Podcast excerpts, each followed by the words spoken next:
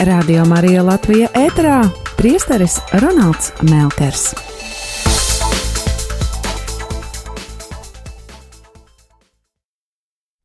Turpmākajā stundā ieklausīsimies Lieldienu laika sestās svētdienas lasījumos un pakavēsimies pie katra no tiem atsevišķi.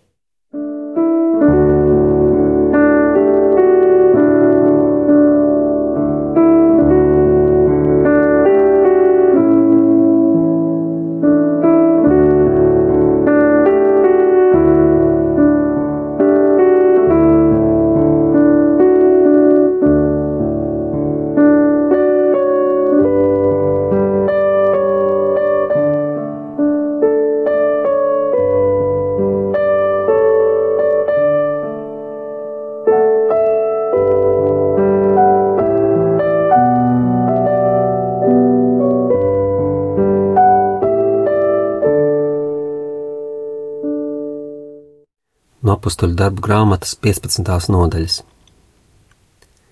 Antiohijā daži atnācēji no jūdejas mācīja brāļus: Ja jūs netiksiet apgaizīti pēc mūzes ieraduma, jūs nevarēsiet būt pestīti. Kad Pāvilam un Barnabam izcēlās ar tiem nemazums strīdu un ķildu, tika nolemts, ka Pāvils un Barnaba un vēl daži no viņiem dosies šajā jautājumā uz Jeruzalemi pie apstuļiem un vecākajiem. Tad apstuļi un vecākie kopā ar visu draugu nolēma no sava vidus izraudzīties vīrus. Jūdu sauktu par Barsabasu un Sīlu, kur izcēlās starp brāļiem, un sūtīt kopā ar Pāvilu un Barnabu uz Antiohiju, ar viņu roku rakstot: Sveiciens no apstuļiem un vecākajiem brāļiem, tiem brāļiem no pagānu vidus, kas ir Antiohijā, Sīrijā un Kilikijā. Tā kā mēs dzirdējām, ka daži no mums, kuriem mēs nebijām pavēlējuši, aizgāja un jūsos ienesa nemieru, ar vārdiem uztraukdam jūsu dvēseles, tad mēs sapulcējušies kopā, nolēmām izvēlēt vīrus un nosūtīt pie jums kopā ar mums dārgajiem Barnabu un Pāvilu, cilvēkiem, kuri mūsu Kunga Jēzus Kristus vārdam ir veltījuši savu dzīvību. Tā mēs nosūtījām jūdu un sīlu, kas to pašu pastāstīs vārdos.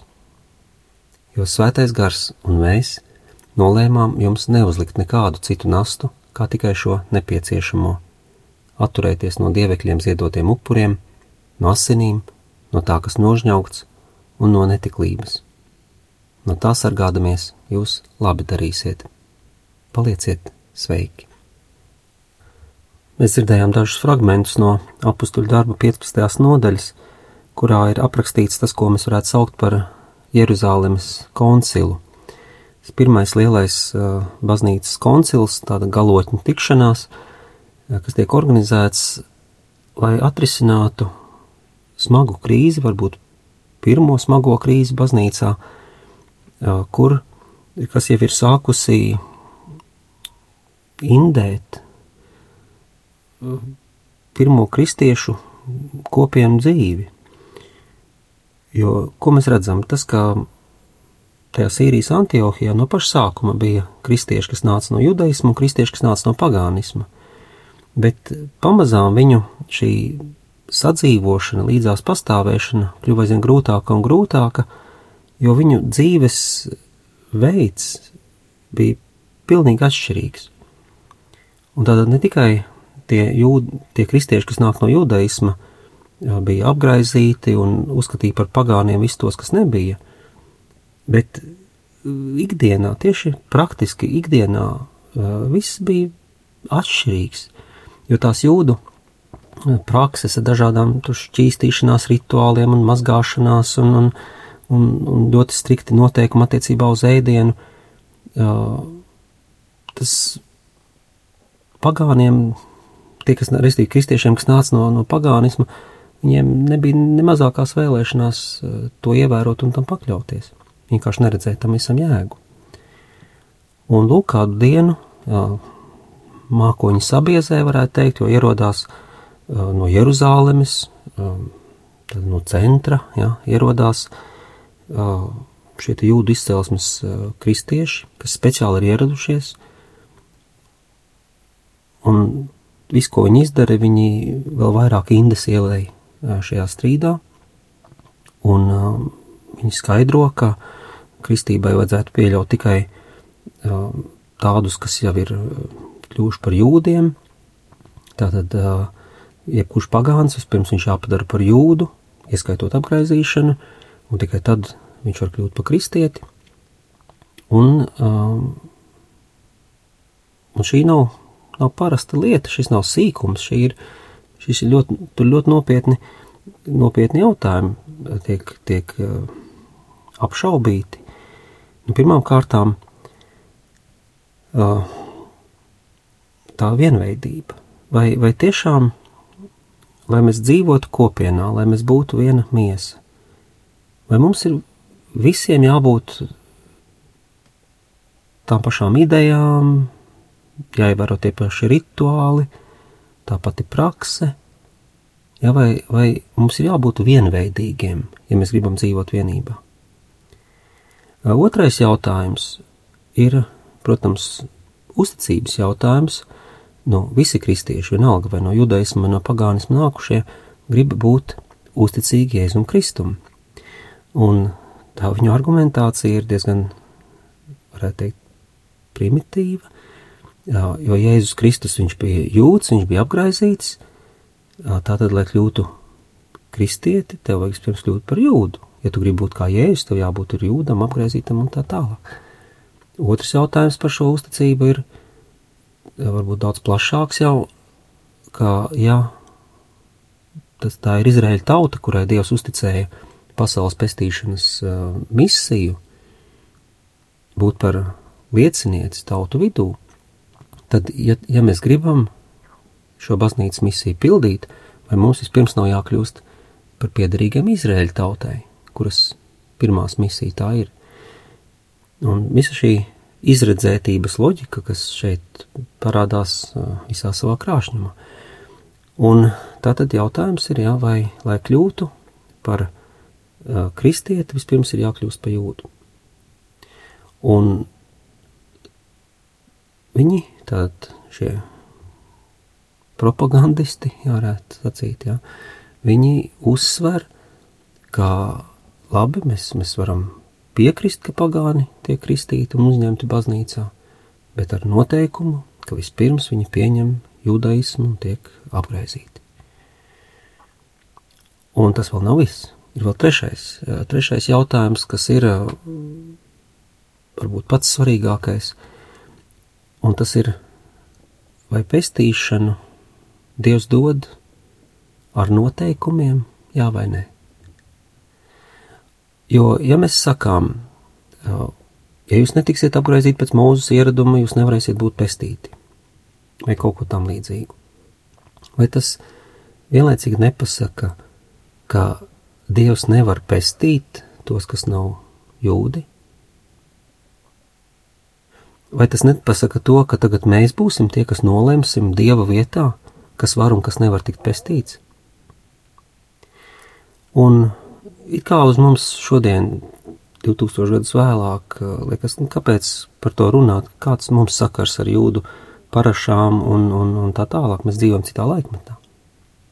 Vai tas vispār mums attiecās? Bet tieši šis trešais jautājums ir tas, kas mums attiecās un attieksies uz jebkuru kristiešu paudzi pamatjautājums ir ap žēlastību. Vai, vai tā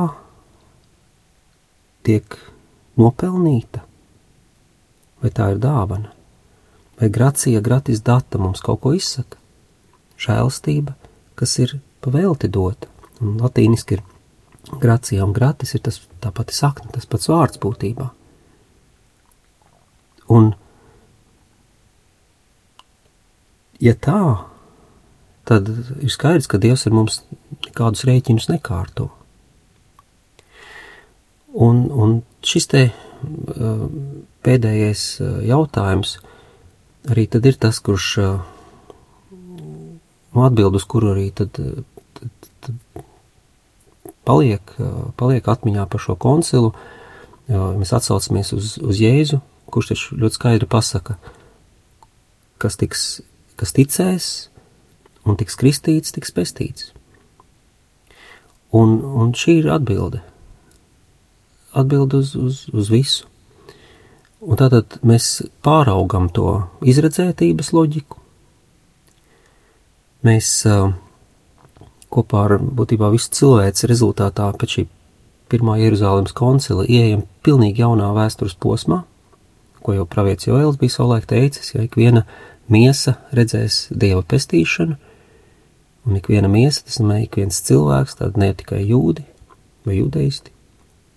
Un uh, mēs redzam to lēmumu, ja mēs šodien dzirdējām, dzirdējām uh, ko apstuļi pieņem, tādu dubultu lēmumu, tā attiecībā uz uh, kristiešiem, kas nāk no judaisma, uh, tiek teikts, lai viņi neuzspiež apgaizīšanu un jūdu prakses uh, tiem kristiešiem, kas nāk no pagānisma, bet savukārt tiem kristiešiem, kas nāk no pagānisma, viņi tiek mudināti cienīt savus brāļus, kas nāk no judaisma.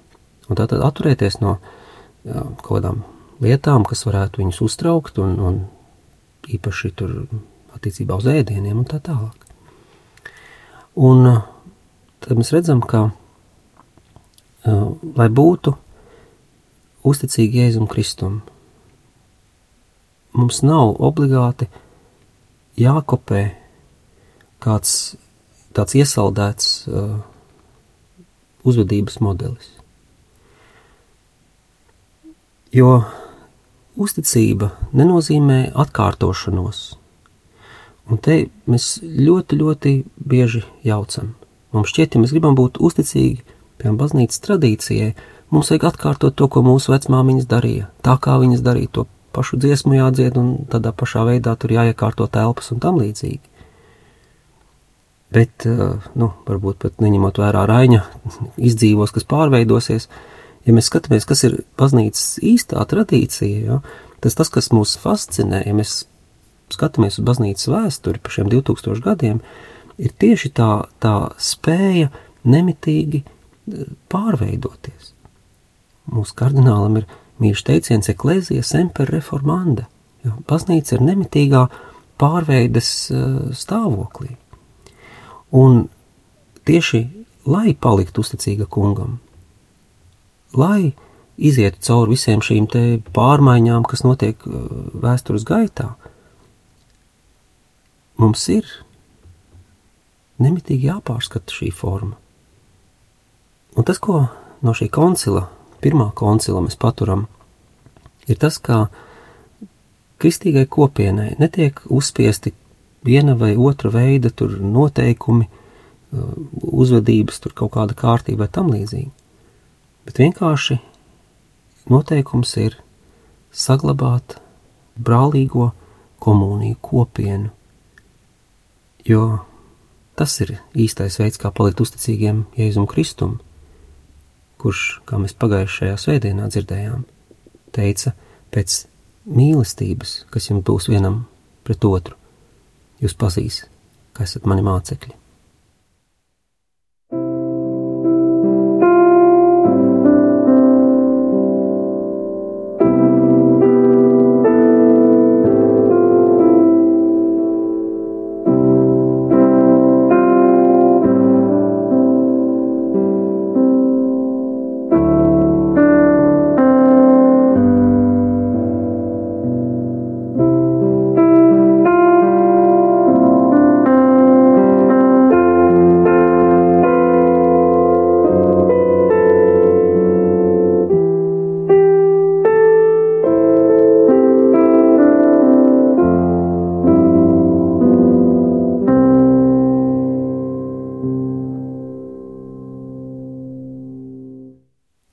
No 67. psalma, lai Dievs apžēlojas par mums un mūsu svētī, viņa vaigs pār mums, lai gaiši atmirdz, lai viņa ceļš taptu zināms zemes virsū, viņa pestīšana visām tautām.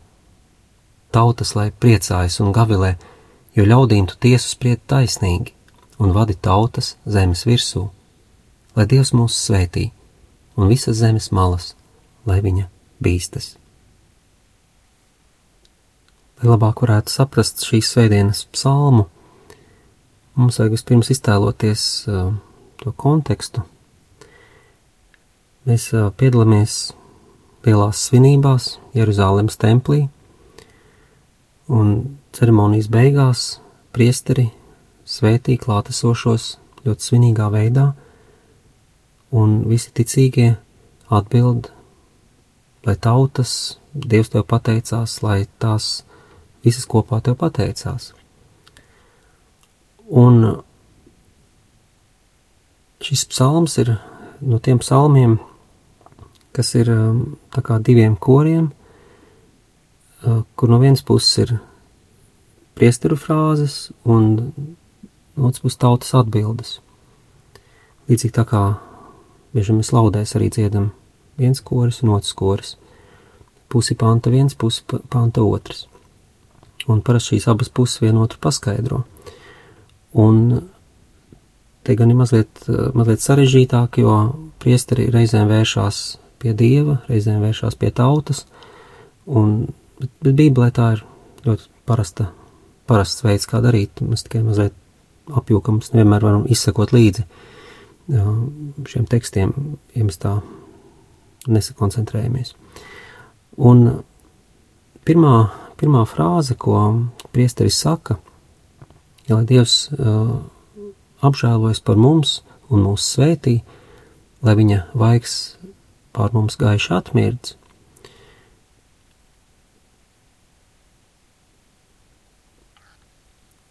Ļoti precīzi uh, gandrīz citē vārdus no skaitļu grāmatas, vai šīs to vairāk pazīst kā 4. mūzu grāmatu, kur uh, kungs mūzum saka, uh, runā uz Āronu viņa dēliem, Tā jums būs svētīt Izraēļu bērnus, sakotiem: Kungs, lai tevi svētī un lai tevi pasargā, Kungs, lai apgaismo savu vaigu pār tevi un lai ir tev žēlīgs, Kungs, lai paceļ savu vaigu uz tevi un lai dod tev mieru.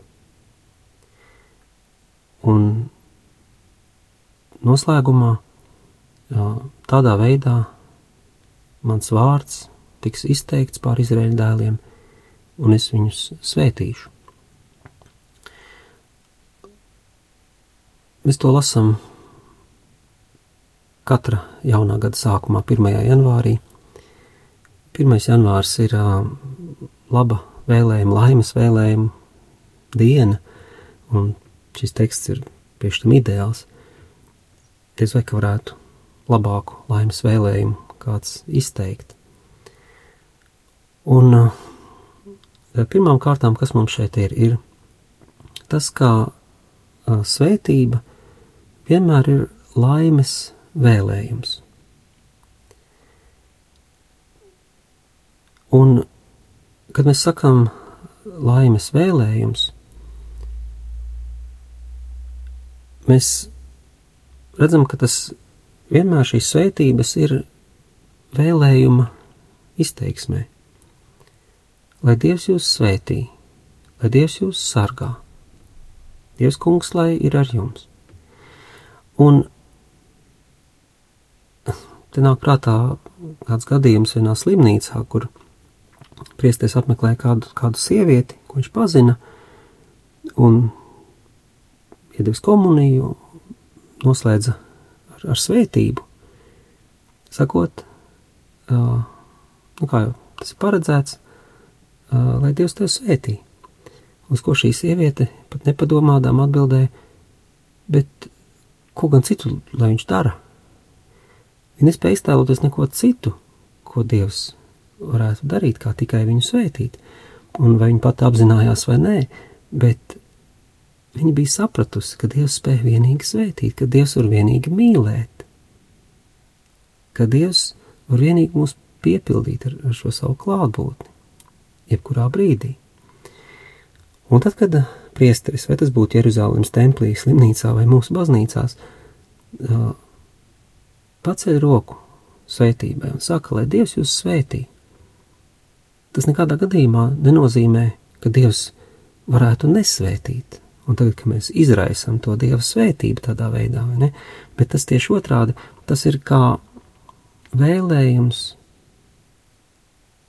tas ir no mūsu, mūsu pusē tā, tā, tā problēma ir, vai ne, ka ka tas ir vēlējums, lai mēs pieņemam šo svētību, lai mēs ieejam šajā svētībā, kas mums nemitīgi, bez jebkāda pārtraukuma, tiek uh, dāvāta, tiek piedāvāta.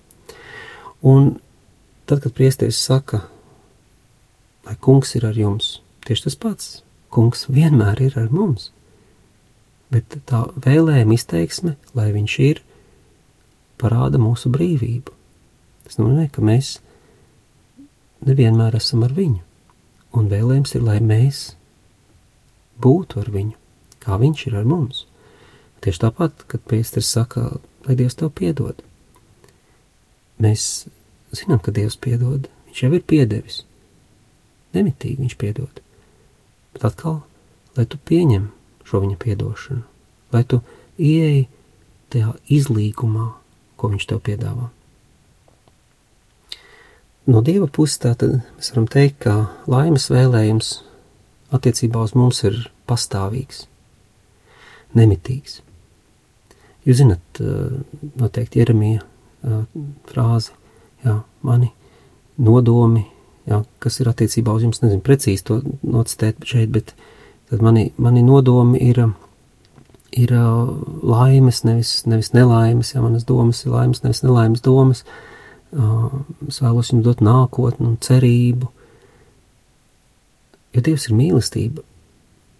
Visas Dieva domas par mums ir tikai laimes vēlējums.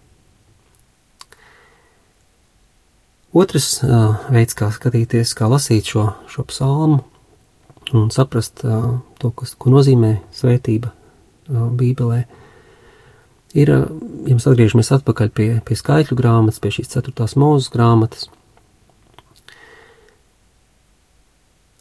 kas uh, tik ļoti uh, nu, ir līdzīga tam, ko mēs šodien psalmā dzirdam, ja lai kungs tevi svētī un tevi sargā. Šis pirmais teikums, tad pirms, pirms šiem,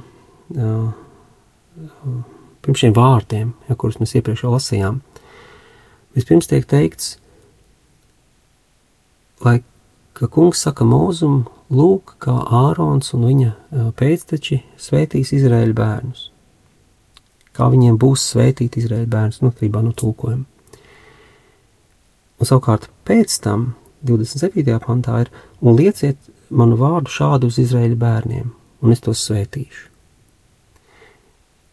Tad izsakiet šo manu vārdu, vai daudzos tulkojumos lieciet, tas būtu daudz precīzāk patiesībā, lieciet manu vārdu pār Izraēļa dēliem. Un šis te teiciens lieciet manu vārdu par Izraēļa dēliem, tā ir svētības uh, definīcija. Mēs zinām, ka Bībelē vārds tas ir vairāk nekā vārds. Tā ir persona. Un sakot, ka mēs esam zem Dieva vārda, tas nozīmē pateikt, ka mēs esam Viņa klātbūtnē, ka mēs esam Viņa aizsardzībā ka mēs tādējādi ieejam viņa klātbūtnē, viņa gaismā, viņa mīlestībā.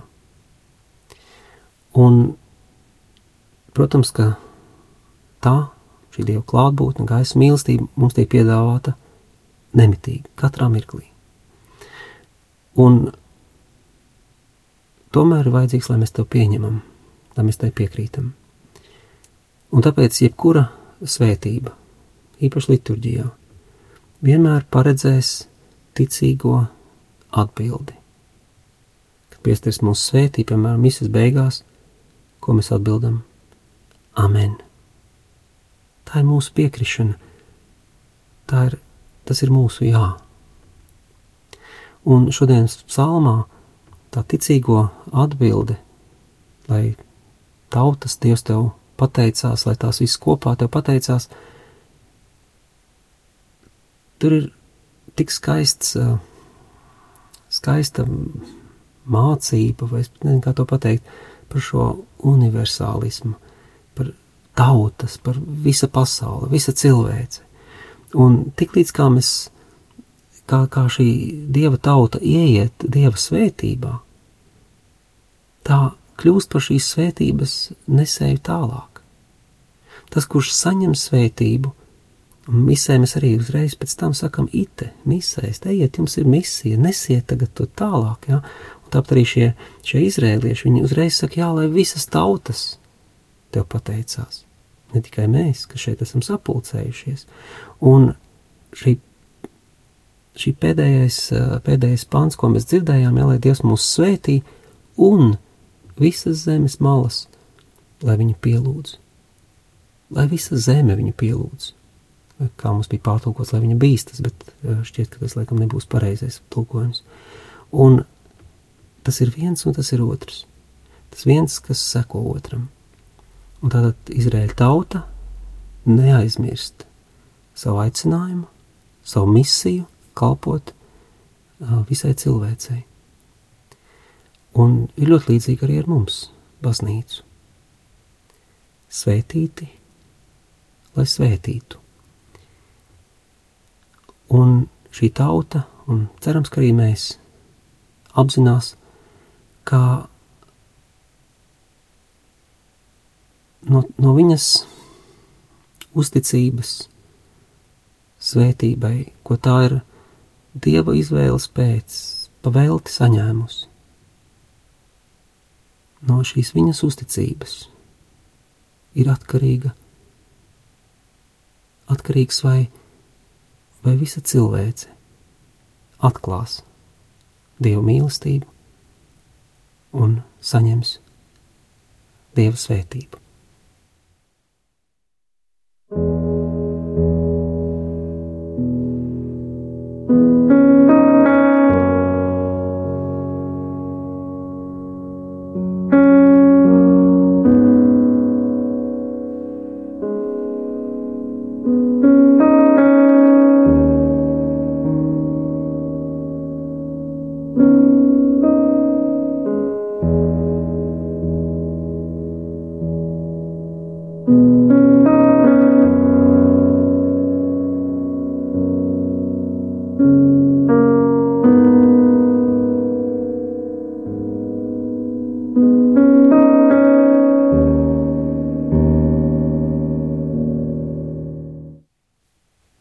No Jāņa atklāsmes grāmatas 21. nodaļas.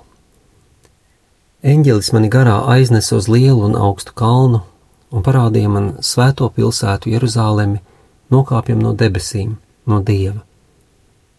Tai bija dieva spožums, tās mirdzums bija līdzīgs dārgakmenim, it kā jaspida akmenim, dzidram kā kristāls.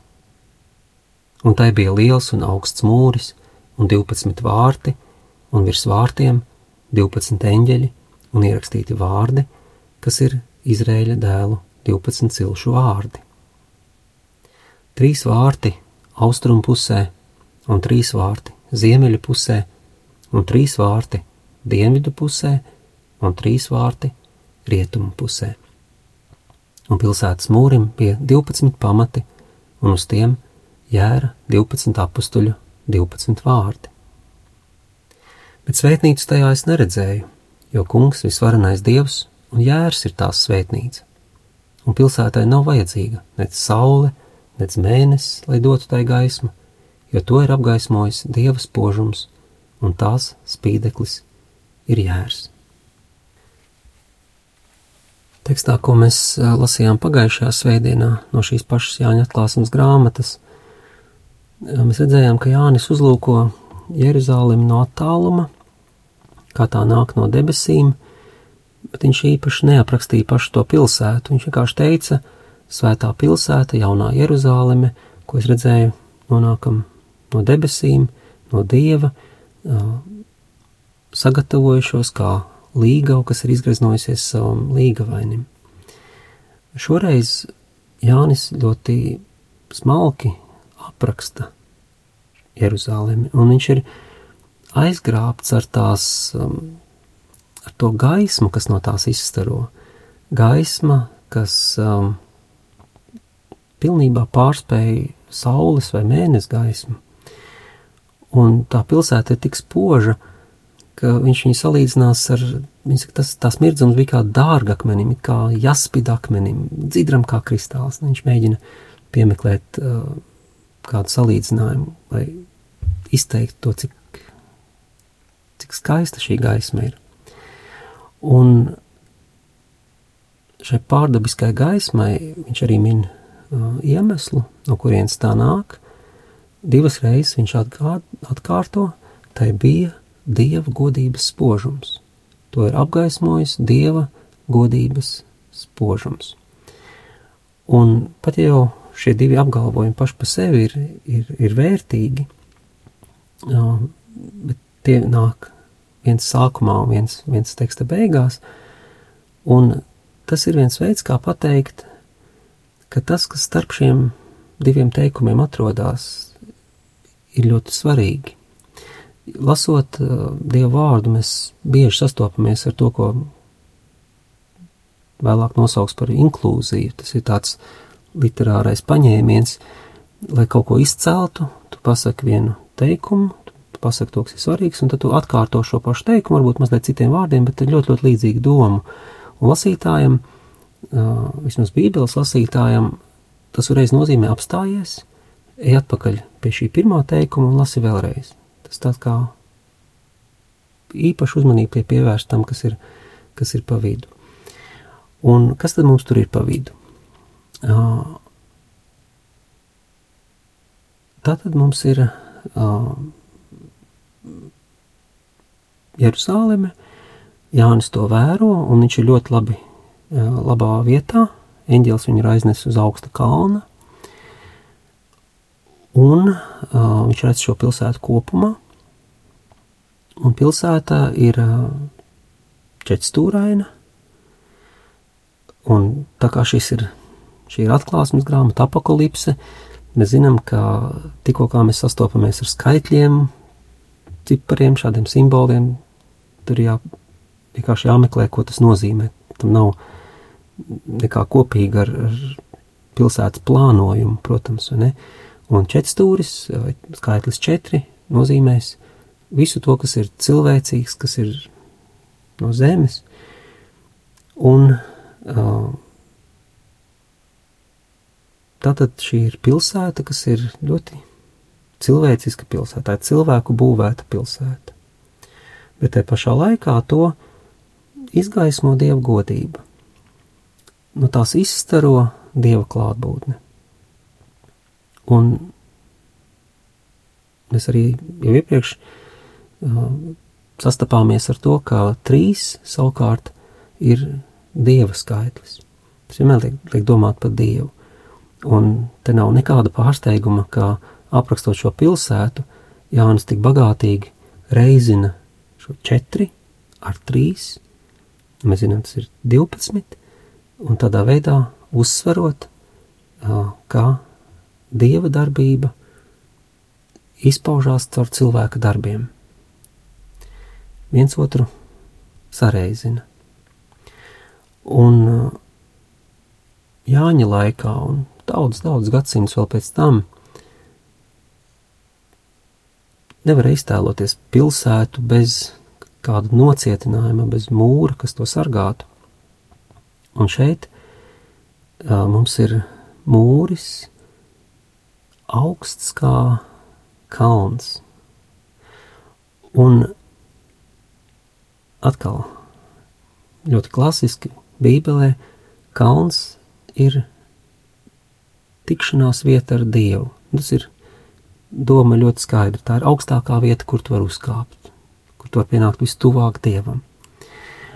Un, un tad šis mūris ir uh, augsts kā kalns, ja, tad dievs ir, uh, dievs ir šajā pašiem mūriem.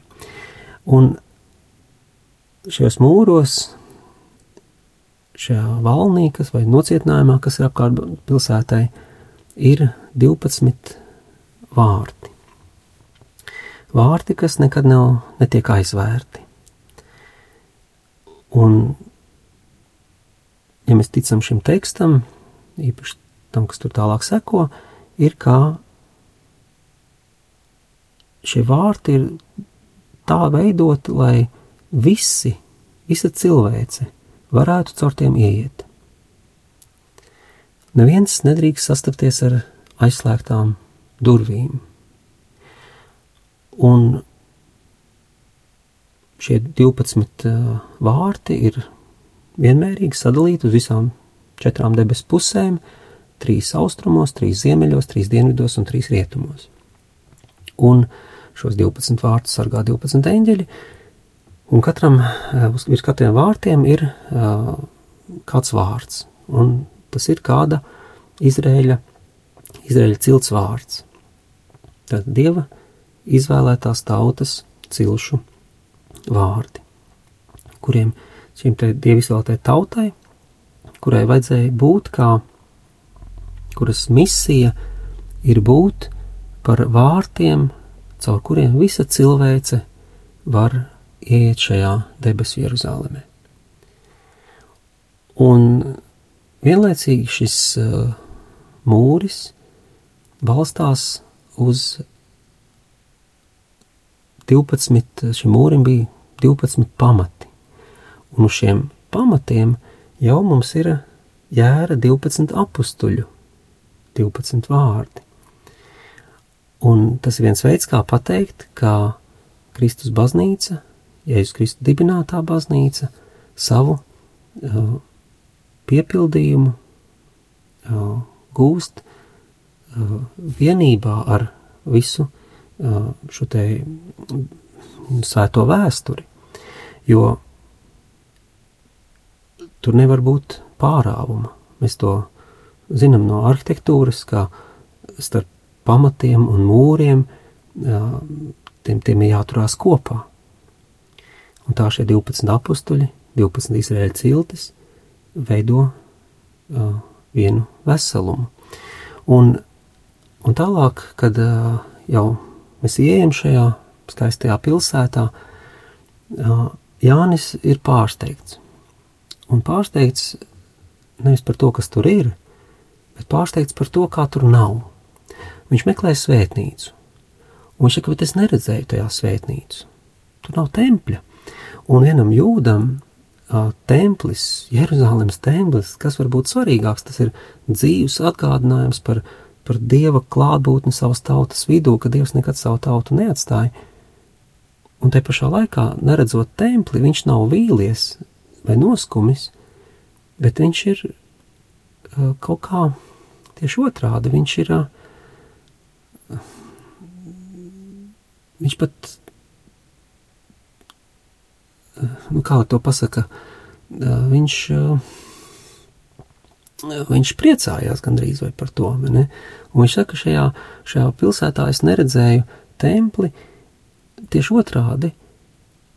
Tagad visa Tur vairs nav vajadzīga kaut kāda ēka, kas simbolizētu dievu klātbūtni, vai to atgādinātu. Tagad dievs pats ir klātesošs, viņš ir redzams, viņš ir savas tautas vidū.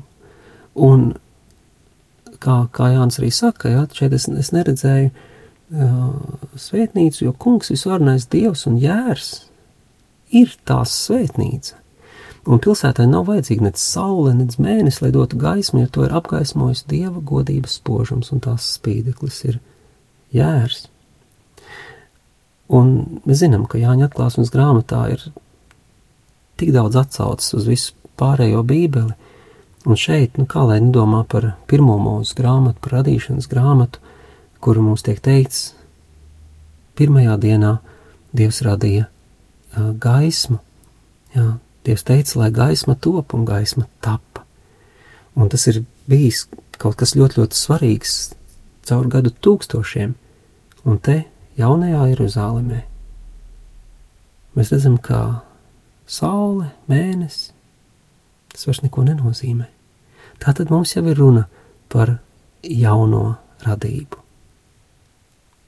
Šī vecā radība ir zudusi, un turpmāk Tā ir Dieva klātbūtne, kas izstaro pār pasauli caur Jēzu Kristu. Jā, šai pilsētai nav vajadzīga nec saule, nec mēnesis, lai tai dotu gaismu, jo to ir apgaismojis Dieva godības spožums, un tās spīdeklis ir jērs. Kas ir vēl interesanti, kā tiek runāts par jauno Jeruzālemi. Šī pilsēta ir saglabājusi savu vārdu. Vēlreiz atgādinot, ka tā ir cilvēku būvētā pilsēta, cilvēku roku darbs, ko Dievs ir apgaismojis, bet tā ir cilvēku roku darbs. Un tas ir viens veids, kā pateikt, ka mūsu šīm pūlēm darboties Dieva nodomu izpildīšanā ir milzīga nozīme. Tās nav bezjēdzīgas ciešanas, grūtības, tām visām ir šī lielākā nozīme. Un ka tās jau tagad ir daļa no šīs jaunās radības.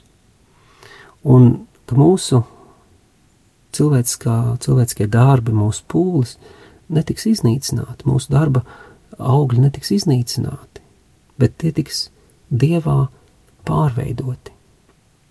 Un, un tie, kam pirmajiem tiek rakstīta šī atklāsmes grāmata, viņi jau ir sastapušies ar pirmajām um, vajāšanām no romiešu puses un arī no citām pusēm. Un viņiem ir vajadzīgs dzirdēt šos iedrošinājumu vārdus. Viņiem ir vajadzīgs dzirdēt uzvaras vārdus. Ka tas viss, viss šīs viņa pūles, nav veltīgas. Un 20 gadsimtus vēlāk, vismaz Latvijā, mums nav jābaidās no vajāšanām, kā tas bija viņiem, bet mums ir pilnīgi noteikti nepieciešams atjaunoties cerībā. Un īpaši mums ir svarīgi dzirdēt, ka mūsu šiem mazajiem darbiem, mūsu nenozīmīgajām pūlēm, ko mēs pieliekam Dieva valstības celšanā, ir nozīme, un ka ar tām jau sākas debesu Jeruzāleme.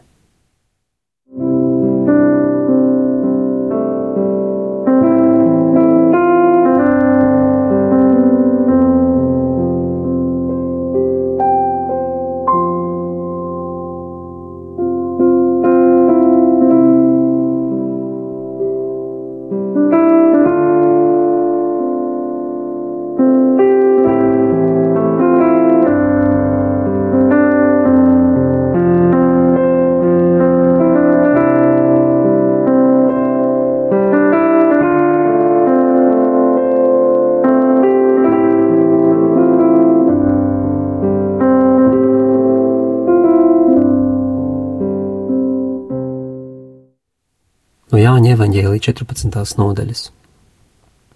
Jēzus sacīja saviem mācekļiem, kas mani mīl, tas pildīs manus vārdus, un mans tēvs viņu mīlēs, un mēs nāksim pie viņa un viņā iemājosim. Kas mani nemīl, tas nepildīs manus vārdus, bet vārdi, kurus jūs dzirdat, nav manējie, bet gan tēva, kas man ir sūtījis.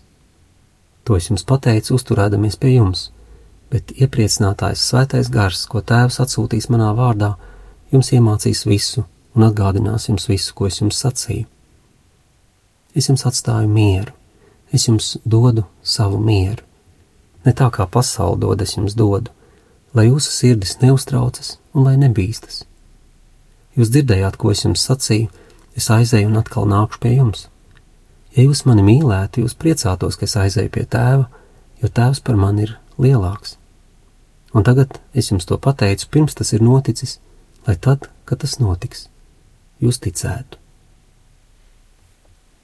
Mēs šeit esam Jēzus dzīves pašās pēdējās stundās, īsi pirms viņa ciešanām, un tas noskaņojums ir diezgan drūms.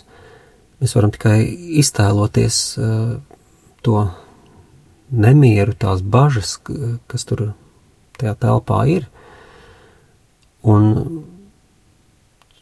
mēs lasām cauri visam šim tekstam un to visu laiku pamanām, jo uh, Jēzus ļoti bieži uh, viņiem dod tādus mierinājuma vārdus, uh, lai jūs sirds neuztraucas un nebīstas.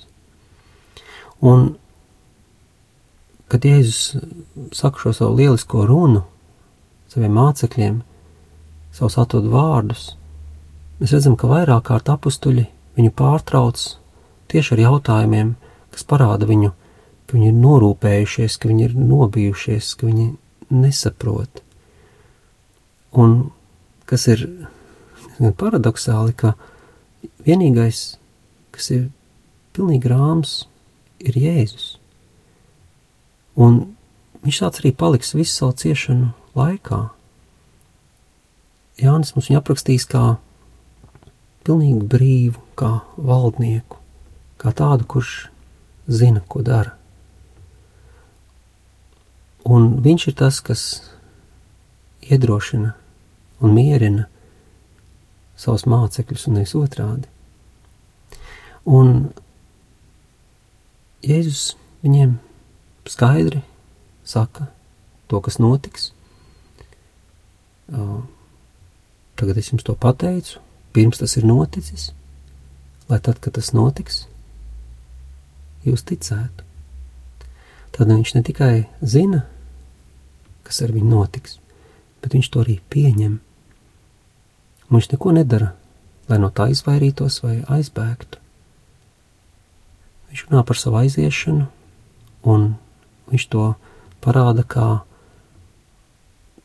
kā noteikumu tam, lai viņš varētu būt atkal klātesošs, bet jau, jau citā veidā. Viņš teiks, es aizeju, un es atkal nākšu pie jums.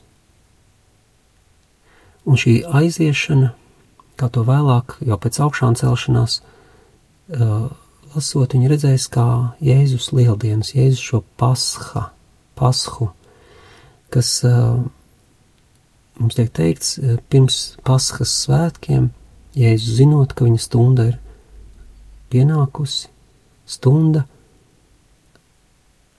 iet no šīs pasaules pie tēva. Jānis izmanto tieši šo vārdu, kas nozīmē šī iešana, kas nozīmē pasha, un tas satuvina, saliek kopā to atbrīvošanu no Ēģiptes verdzības ar Kristus ciešanu notikumu. Šīs ir jaunās lieldienas, šī ir jaunā atbrīvošana, kas tieši notiek arī jūdu paskas svētku laikā. Un tā kā ir runa par atbrīvošanu, šai Jēzus aiziešanai nevajadzētu apstuļus iedzīt depresijā. Viņš saka, ja jūs mani mīlētu, jūs priecātos, ka es aizeju pie tēva. Mācekļiem tā ir frāze, kas griežās ausīs. Viņi redz, ka viņu mācītājs, tas, kuram viņi jau tik daudz mēnešu, varbūt jau vairākus gadus seko, viņš ir šo garīgo autoritāšu atmests. Viņš ir tie atbildīgie, kuriem viņiem vajadzētu uzticēties visās lietās, kas attiec uz Dievu, un, un, un vienam jūdam tas ir tā visa viņa dzīve, tā, tā ir gandrīz absolūta autoritāte, un tagad šīs autoritātes Dieva vārdā ir kļuvušas par Jēzus vislielākajiem pretiniekiem. Viņiem ir pamatojums, viņiem ir labi iemesli, jo viņi kopš gadsimtiem šie garīgie vadītāji un rakstu zinātāji, visa tauta, viņi ir atklājuši, ka, ka Dievs ir viens, vienīgs Dievs. Viņi katru dienu to atkārto, klausies, Izraēla kungs, tavs Dievs ir viens, vienīgs Dievs. Un un pravieši ir, ir cīnījušies, lai šo ticību vienam dievam saglabātu, neskatoties visām, visiem vējiem un vētrām.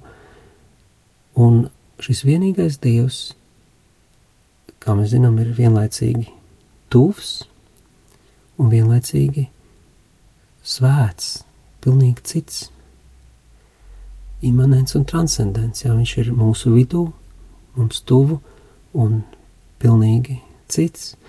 Un Jēzus viņš uzsver dieva tuvumu, īpaši pie vismazākajiem. Viņš pats sevi nosauc par Dievu. Un, un skaidrs, ka šo garīgo autoritāšu acīs tā ir zaimošana, tas zaimošanas definīcija, un, un tas ir kā, kā tāds uzbrauciens Dievam, tas ir apvainojums, tas ir, tas ir, Dievs ir pilnīgi kaut kas cits, un tu tagad sevi dari par Dievu, tas ir, viņam, viņam tas nav, nav izturams to, to dzirdēt. Un Jēzus, viņš no savas puses, tāpat kā viņš uzsver Dieva tūmu pie savas tautas, viņš uzsver savu ciešo vienotību ar, ar tēvu, un viņš piecas reizes šajās dažās rindiņās mums to pasaka. Un viņš iesāk, piemēram, kas mani mīl, tas pildīs manus vārdus, un viņš aiziet jau daudzskaitlī, un mēs nāksim pie viņa un viņā iemājosim. Šeit viņš runā jau par tēvu, es un tēvs, mēs. Viņš, un tā nav pirmā reize, jo neilgi pirms tam, kad Filips viņam saka, parādi mums tēvu un mums pietiks, ja es pavisam mierīgi atbildu, Filip, kas man ir redzējis? Ir redzējis tēvu. Un vēl viņš saka, ka vārdi, ko jūs dzirdat, nenāk no manis, bet no tēva, kas man ir sūtījis.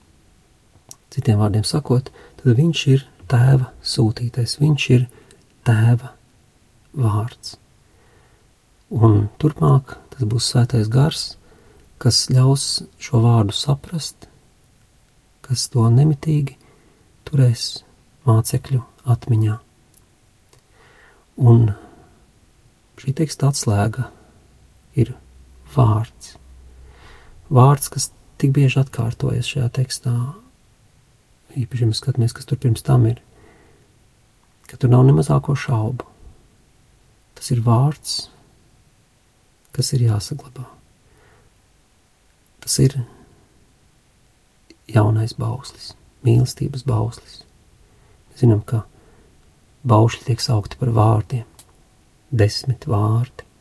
Un šeit tas vārds, ko Jēzus saka, lai mēs sargājam, ir mīlestības bauslis. Mīliet viens otru. Un mēs to pagājušā svētdienā jau varējām saprast, ka tas nenozīmē, lai viss ir mīļi un smaida un, un visi viens otram patīk. Tas nav iespējams.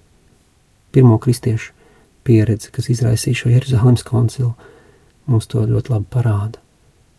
Bet pat ja mēs nevaram panākt, ka mēs visiem patīkam vai ka mums visi patīk,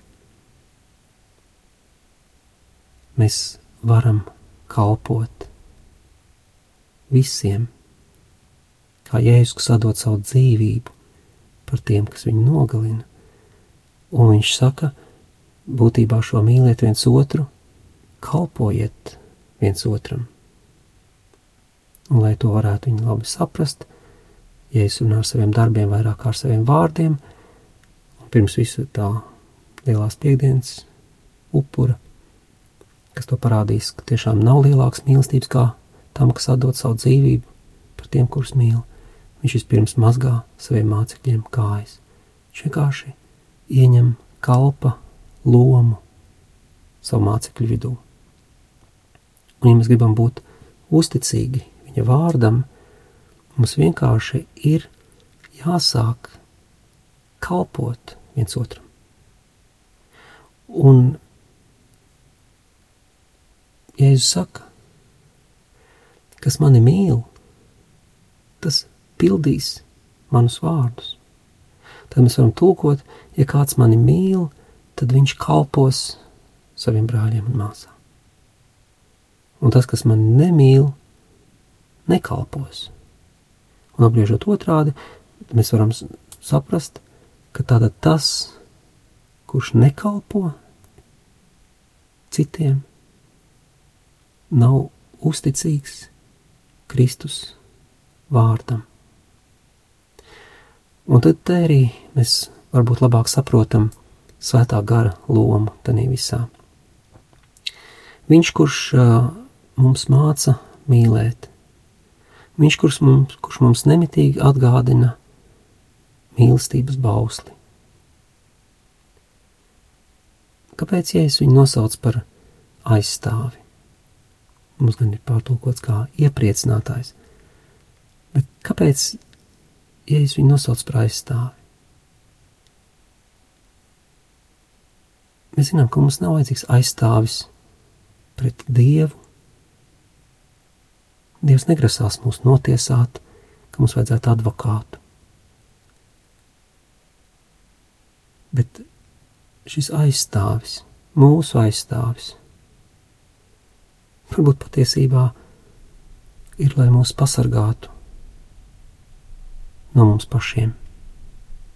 Jo mūsu lielākā nelaime ir aizmirst to, ka būtiskais, galvenais ir, lai mēs viens otru mīlam, lai mēs viens otram kalpojam. Un ļoti konkrēti mēs esam redzējuši, kā šis aizstāvis darbojas pirmajā kopienā. Vēl tikko mēs runājām par Jeruzalemes koncilu, par kur mēs lasījām pirmajā lasījumā. Un mēs redzam, kā šīs grūtības, kas tur bija, sadzīvot kristiešiem, kas nāk no dažādām vidēm, gandrīz neiespējami. Mēs redzam, kā tieši mīlestības gars bija tas, kas iedvesa Kristus mācekļiem šo labo gribu par katru cenu uzturēt vienotību mīlestībā.